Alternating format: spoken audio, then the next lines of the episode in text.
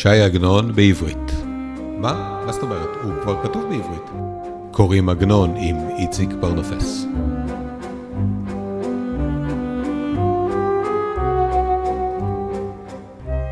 בדמי ימיה, חלק ראשון.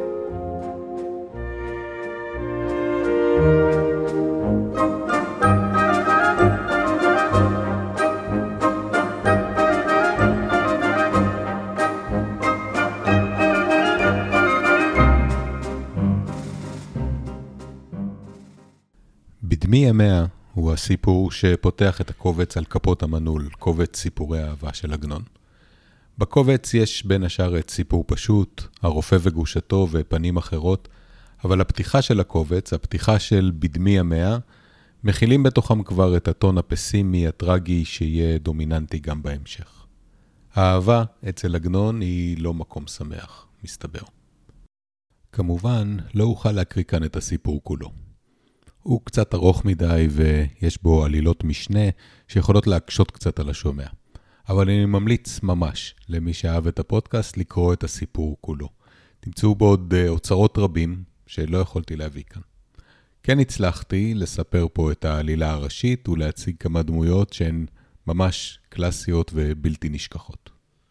המספר בדמי ימיה הוא ייחודי בין כל היצירות של עגנון. זה הסיפור היחיד המסופר על ידי אישה. ושפת הדיבור שלה, של תרצה, גם כן ייחודית בזה שהיא תנכית ומליצית, ממש לשון מקראית קדומה. וגם הסיפור עצמו, בדמי ימיה, נקרא על שם המילים הראשונות בו, בדמי ימיה, ממש כמו שהיה מקובל בספרי החומש, למשל. ובכל זאת, למרות הזרות של מספר ממין אחר, הדובר שפה מאוד שונה, אפשר להבין שזהו גם אחד הסיפורים האינטימיים ביותר של עגנון. אחד הסיפורים שבהם הוא עצמו קרוב ביותר אל המספר, מדבר על מקומות שהם רגישים, חבויים אצלו, ממש סיפור הנוגע בפצע פתוח בנפשו של עגנון עצמו. נדירים המקרים שבהם עגנון הקריא בפומבי איזושהי מיצירותיו. ובפעם הנדירה שהוא הסכים לעשות זאת, הוא בחר מכל יצירותיו לקרוא את החלק הפותח מבדמי ימיה. בואו נשמע. בדמי ימיה מתה אמי, כבר שלושים שנה ושנה הייתה אמי במותה, מעט ורעים היו ימי שני חייה. כל היום ישבה בבית ומן הבית לא יצאה. רעותיה ושכנותיה לא באו לבקרה, וגם אבי לא הקדיש את גרועיו. דומא מעמד ביתנו ביגונו, דלתיו לזר לא נפתחו. על מיטתה שרבה אמי, ודבריה היו מעטים, ובדברה כמו נפרסו כנפיים זכות ויובילוני אל היכל הברכה. מה אהבתי את קולה, פעמים הרבה פתחתי את הדלת למען תשאל מי בא. ילדות הייתה בי. קצת קשה להקשיב לעגנון עם ההגייה האשכנזית הכבדה הזו. קשה עוד יותר כשחושבים שהוא בחר להקריא כאן את סיפור פטירתה של לאה, אמה של תרצה המספרת. מוות הדומה בהרבה פרטים למותה בדמי ימיה של אמו של עגנון עצמו, שנפטרה בעיירת הולדתו בגליציה, כאשר הוא עצמו היה בארץ ישראל ולא רואה אותה כבר כמה שנים. הוא התוודה אחרי כן על ייסורי המצפון שלו, שהוא היה כה רחוק ממנה לאורך כל שנות מחלתה ובעת מותה. האם בחירתו להקריא דווקא את הקטע הזה מבטאת את הצער על חוסר היכולת אה, להיפרד ממנה? בחזרה לסיפור עצמו, אני רוצה להקריא כאן את דבר פטירתה של האם, שלושת העמודים הראשונים של בדמי ימיה. בדמי ימיה מתה אמי. כבת שלושים שנה ושנה הייתה אמי במותה. מעט ורעים היו ימי שני חייה. כל היום ישבה בבית ומן הבית לא יצאה. רעותיה ושכנותיה לא באו לבקרה וגם אבי לא הקדיש את קרואיו. דומם עמד ביתנו ביגונו, דלתיו לזר לא נפתחו. על מיטתה שכבה אמי ודבריה היו מעטים, ובדברה כמו נפרסו כנפיים זכות, ויובילוני אל היכל הברכה. מה אהבתי את קולה? פעמים הרבה פתחתי את הדלת למען תשאל מי בא? ילדות הייתה בי. לעתים ירדה מעל משכבה ותשב בחלון, היא ישבה בחלון ובגדיה היו לבנים, בכל עת היו בגדיה לבנים. פעם נקרא דוד אבי בעירנו וירא את אמי ויחשוב כי אחות רחמנית היא, כי בגדיה יטעו ולא ידע כי היא החולה. מחלתה, מחלת הלב, דכאה לארץ חייה. מדי קיץ שלחו הרופאים למעיינות הישועה, וכמעט שהלכה, שבה, כי אמרה כי אין לה מנוח מפני געגועיה, ושוב ישבה בחלון או שכבה על מיטתה. אבי התחיל ממעט במשא ומתן. גם לארץ אשכנז, אשר היה נוסע שמה מדי שנה בשנה, לבוא בדברים עם בעלי בריתו, כי סוחר קטניות אבי, לא נשא אבי הפעם. בימים ההם ובעת ההיא שכח אורחות עולם, ובשובו לעת ערב הביתה ישב על יד אמי. שמאלו תחת לראשו וימינו בימינה. יש אשר תשח לידו פיה ותשקהו. בחורף בשנת מות אמי דמם ביתנו שבעתיים. אמי לא ירדה מעל מיטתה, רק בהציע קילה את המיטה. על פתחנו הניחו מרבד, למען ספוג המרבד כל כל צעד. ריח סמי מרפא היה נודף בכל חדרינו, ובכל חדרינו כבדות נוגה. הרופאים לא סרו מביתנו. גם בלי הקרא באו, ואיש כי שאל אותם לשלומה, אמרו לאלוהים הישועה. כלומר, אפסה כל תקווה, צרי למחלתה אין.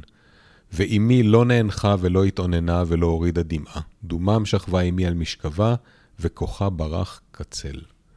אכן ימים באו והתקווה שישעה את ליבנו כי חיות תחיה. החורף חלף, הלך לו, וימי האביב נראו בארץ. אמי כמו שכחה מכאובה, עין בעין ראינו כי רפתה מחלתה.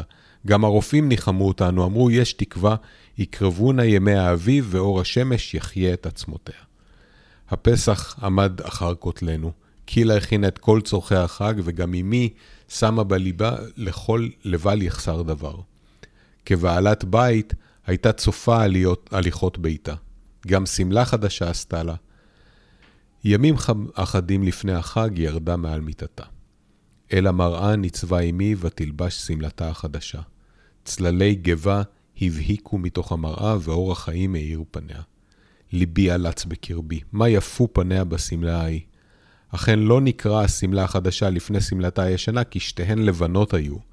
וגם השמלה אשר פשטה כחדשה הייתה, כי שכבה עמי כל החורף לא לבשה בגד. ולא אדע במה ראיתי אות ותקווה. אולי משמרת האביב אשר שמה על ליבה הפריחה ריח תקווה. גם ריח סמי הרפואה חלף עבר, ומתק ריח חדש עירבה את כל ביתנו. תמרוקים רבים ידעתי, וריח כזה לא מצאתי. אמנם שנית עריכותי את הריח הזה בחלום בחזיון הלילה. מאין בא הריח הזה? עיני בי לא משכה את בשרה בתמרוקי האנשים. אמי ירדה מעל מיטתה ותשב על יד החלון. על יד החלון עמד שולחן קטן, ובשולחן הייתה תיבה. התיבה הייתה סגורה על מסגר, ומפתח הבית, התיבה היה תלוי על צווארי אמי. דומם פתחה אמי את התיבה וצרור כתבים הוציאה. ותקרא בהם כל היום. עד הערב, קראה אמי. הדלת נפתחה פעמיים ושלוש, והיא לא שאלה מי בא, גם כי דיברתי אליה לא ענתה. כי הזכירוה לשתות סמי רפואותיה, גמעה את כף הסמים בבת אחת. לא היוותה פניה ולא אמרה דבר כאילו נתלה מרירותם, ואחר שתותה שבה אל כתביה. והכתבים כתובים כתיבה תמה על נייר דק, ושורות קצרות וארוכות הם כתובים. ובראותי את אמי קוראת, אמרתי אל ליבי כי לא תזנח לעולם את הכתבים. חוט המפתח אשר על צווארי אמי, קשר אותה אל התיבה ואל הכתבים. אבל קינטות היום לקחה את צרור כתביה, ותכרוך עליהם את החוט אשר על צווארה, ועל המפתח, ותשכם, ותשלך אותם ואת המפתח אל התנור. וערובת העשן סתומה, רק גחלת אחת הבהבה בתנור. הגחלת ליככה את הנייר הדק, הכתבים בערו באש והבית מלא עשן. קילה חרדה חדרה לפתוח את החלון ואימי הניעה אותה. הכתבים בערו והבית מלא עשן, ואימי ישבה על יד התיבה, ותשאף את עשן הכתבים עד ערב. בלילה ההוא באה מינצ'י גוטליב לראות את שלום אמי. היא מינצ'י רעותה, אשר למדה את אמי בנעוריהן יחד אצל עקביה מזל. מרת גוטליב ישבה על יד מיטת אמי. כשתיים-שלוש שעות ישבה. מינצ'י אמרה אמי, אתה אראה את פנייך באחרונה. מינצ'י מחתה דמעותיה ותאמר, לאה, התחזקי או תשובי להתענך כבראשונה לראות חיים. אמי שתקה, ושחוק נוגה שישע על שפתיה הקודחות. ופתאום לקחה אמי את ימין מינצ'י בימינה ותאמר, לכי אל ביתך מינצ'י, והכיני כל צורכי השבת, ומחר אחר הצהריים תרדי ללוות אותי לבית עולמי. והלילה, ליל החמישי בשבת, אור ליום השישי, ערב שבת. מרת גוטליב ליפפה את ימין אמי בכפה, פרסה אצבעותיה ותאמר לאה. ובכי עצור שם מעצור לדבריה ולא קמה בנו רוח. אבי בא מן מעשהו מן החנות וישב לפני המיטה. אמי נשקה לו ושפתותיה הנוגות רחפו על פניו כצל. מרת גוטליב קמה ותטטף ותלך. אמי ירדה מעל מיטתה וקילה הציעה את המיטה. כנפי השמלה הלבנה השיקו בחלל החדר האפל למחצה. אמי שבה אל מיטתה ואבי השקע אותה סמי מרפא ותשת. ותיקח את ידו ותשיתה על ליבה ותאמר תודה. כנטפי הדמעה, כנטפו נטפי הסמים על ידו. ואמי שאפה רוח ותאמר אליו, קום, לך אל חדר האוכל ואכלת ארוחת הערב. ויאמר לא אוכל לאכול, ותפצר בו מאוד, וילך אל חדר האוכל, ויאכל לחם דמעה, וישב. ותתחזק אמי, ותשב על המיטה, ותיקח את ידו שנית, ותשלח את האחות הביתה, ועל אבי ציוותה למר, לא תבוא. ותקטן את אור המנורה ותשכב. ויאמר אבי אל אמי, לו יכולתי לישון כי אתה הלכתי, ואתה, כי הסיר אלוהים את שנתי, אשבה נא על ידך, כי תדרשיני ועמדתי עלייך. ואם לא, אדע איפה כי שלום לך. ולא שמע אמי אל דברי אבי. וילך אבי אל חדרו וישכב. לילות רבים לא ראה שינה, וכמעט שכב אבי הפעם וישן. גם אני שכבתי וישנה. ופתאום הקיצותי, הייתי נבהלה, קפצתי מעל מיטתי לראות שלום אמי, וירא, והנה היא שוכבת על משכבה בשלום, אך אהה, נשמת אפה לא נשמעה עוד. ואעיר את אבי, ויצעק צעקה גדולה ומרה, לאה.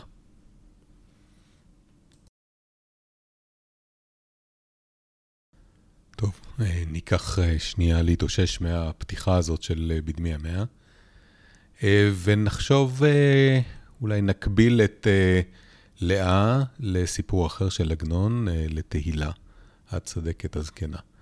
ואפשר להקביל את האירועים סביב פטירתן של השתיים האלה, שמתוארים בפרטי פרטים. שתיהן לובשות בגדים לבנים או תכריכים שהן תופרות לעצמם עוד בחייהן.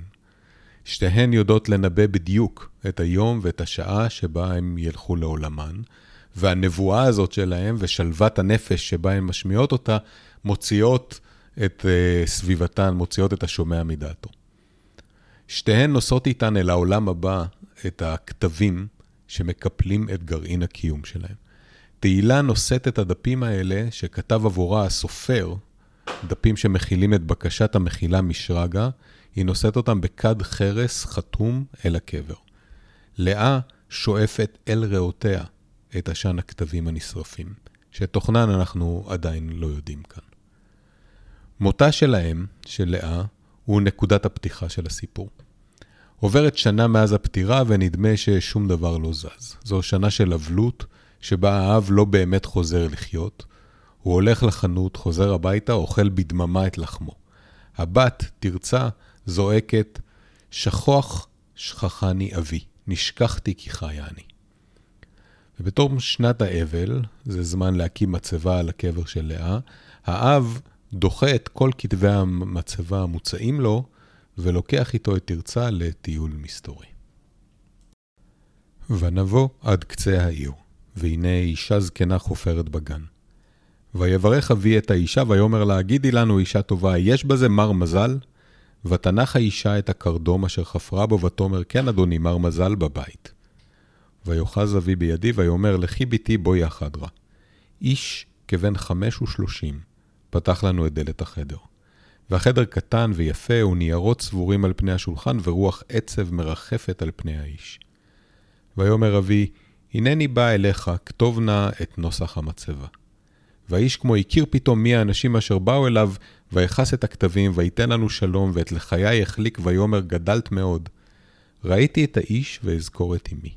אכן תנועת ידו דמתה לתנועת ידה. ואבי עמד לפני האיש. על רגליהם עמדו איש מול אחיו.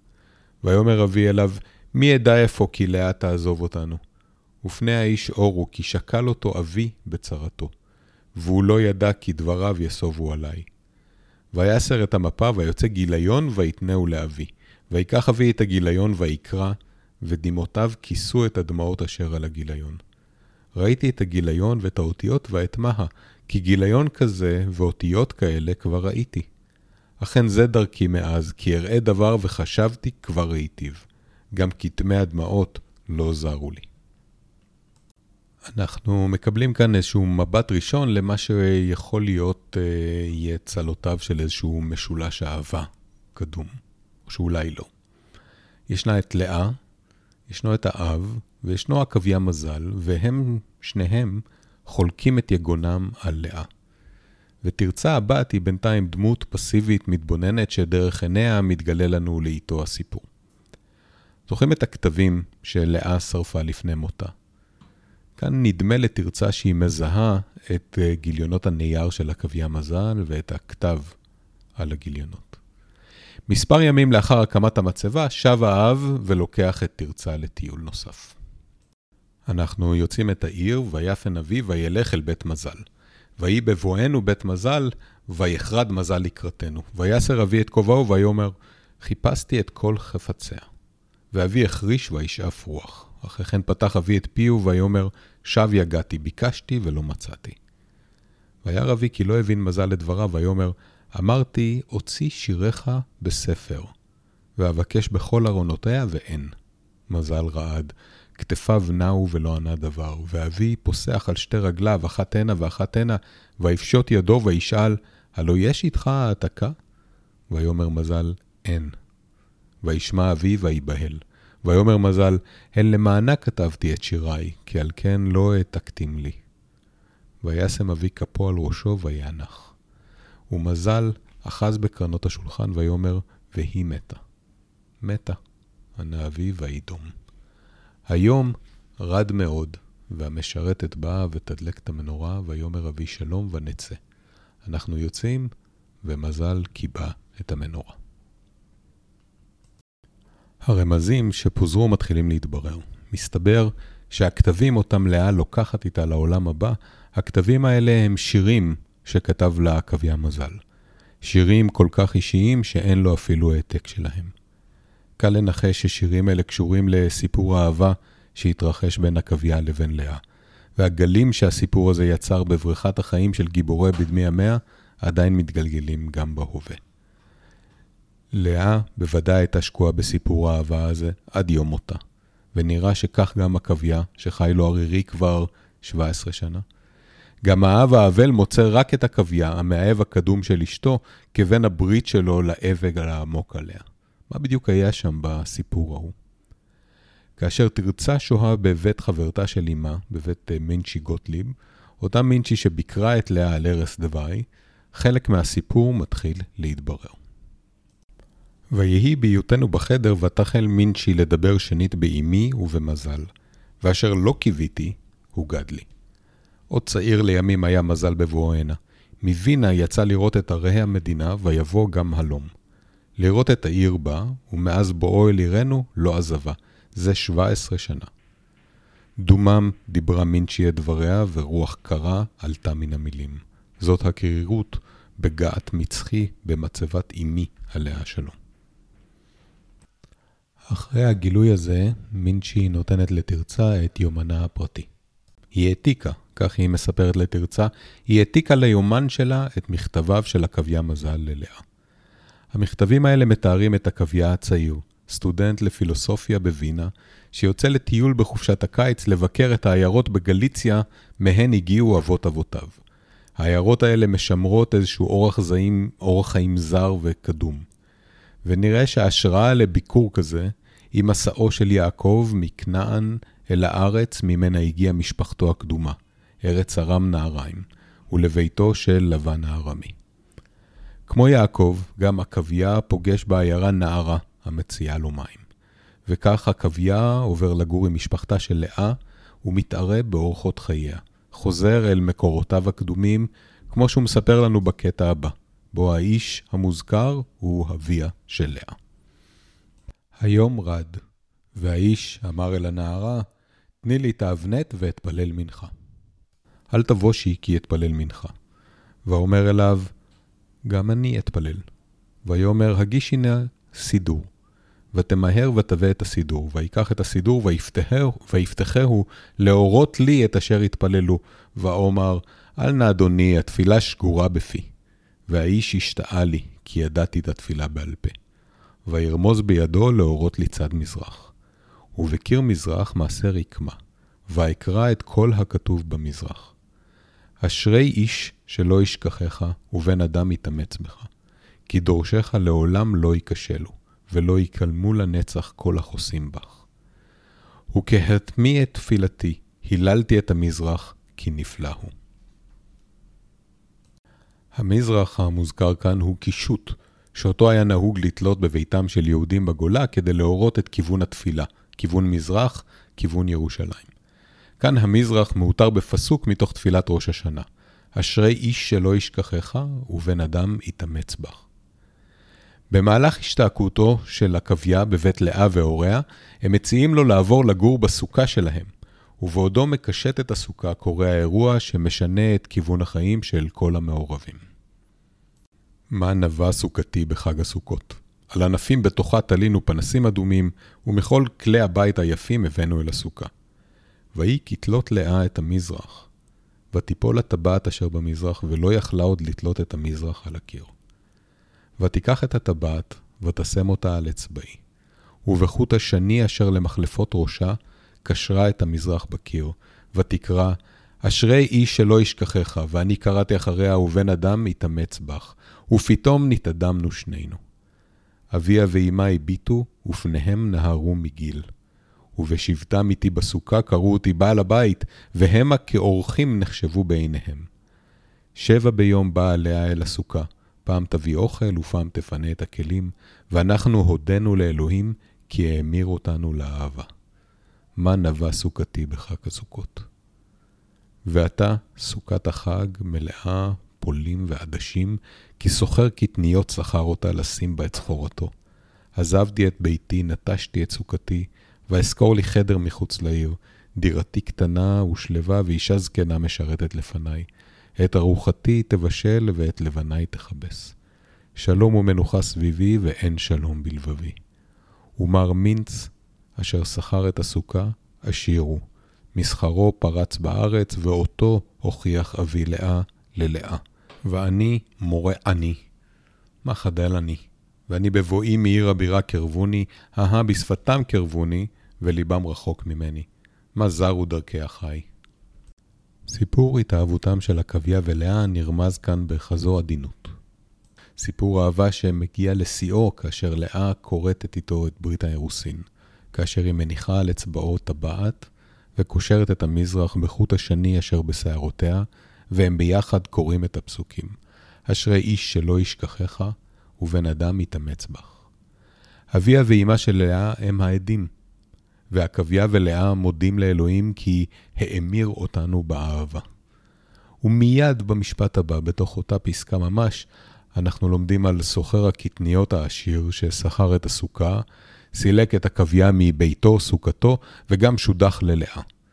אבי לאה בגד באהבה ובברית שנכרתה, והעדיף את הסוחר העשיר, מר מינץ, מר מטבע בגרמנית, העדיף אותו על הסטודנט העני, עקביה מזל. אותו סוחר עשיר, הוא-הוא אביה של תרצה. וכאן נסיים את הפרק הראשון של הפודקאסט של בדמי המאה, ואיך המשיך המשולש הרומנטי לשחק בחייהם של הגיבורים, ומה תפקידה של תרצה בכל זאת, על כך בפרק הבא.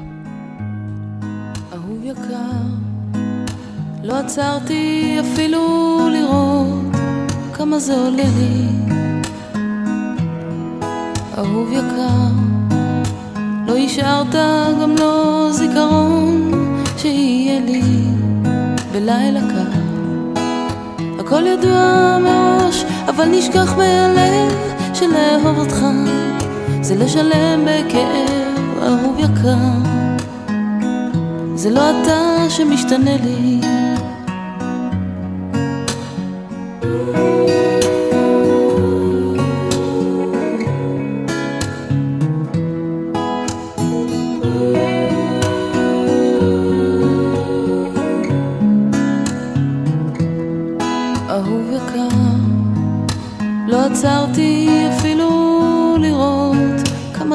כמה זה עולה לי.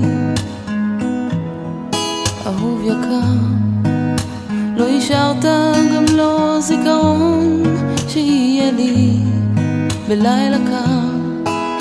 הכל ידוע מראש, אבל נשכח מהלב שלאהוב אותך זה לשלם בכאב, אהוב יקר. אתה רואה את השלכת,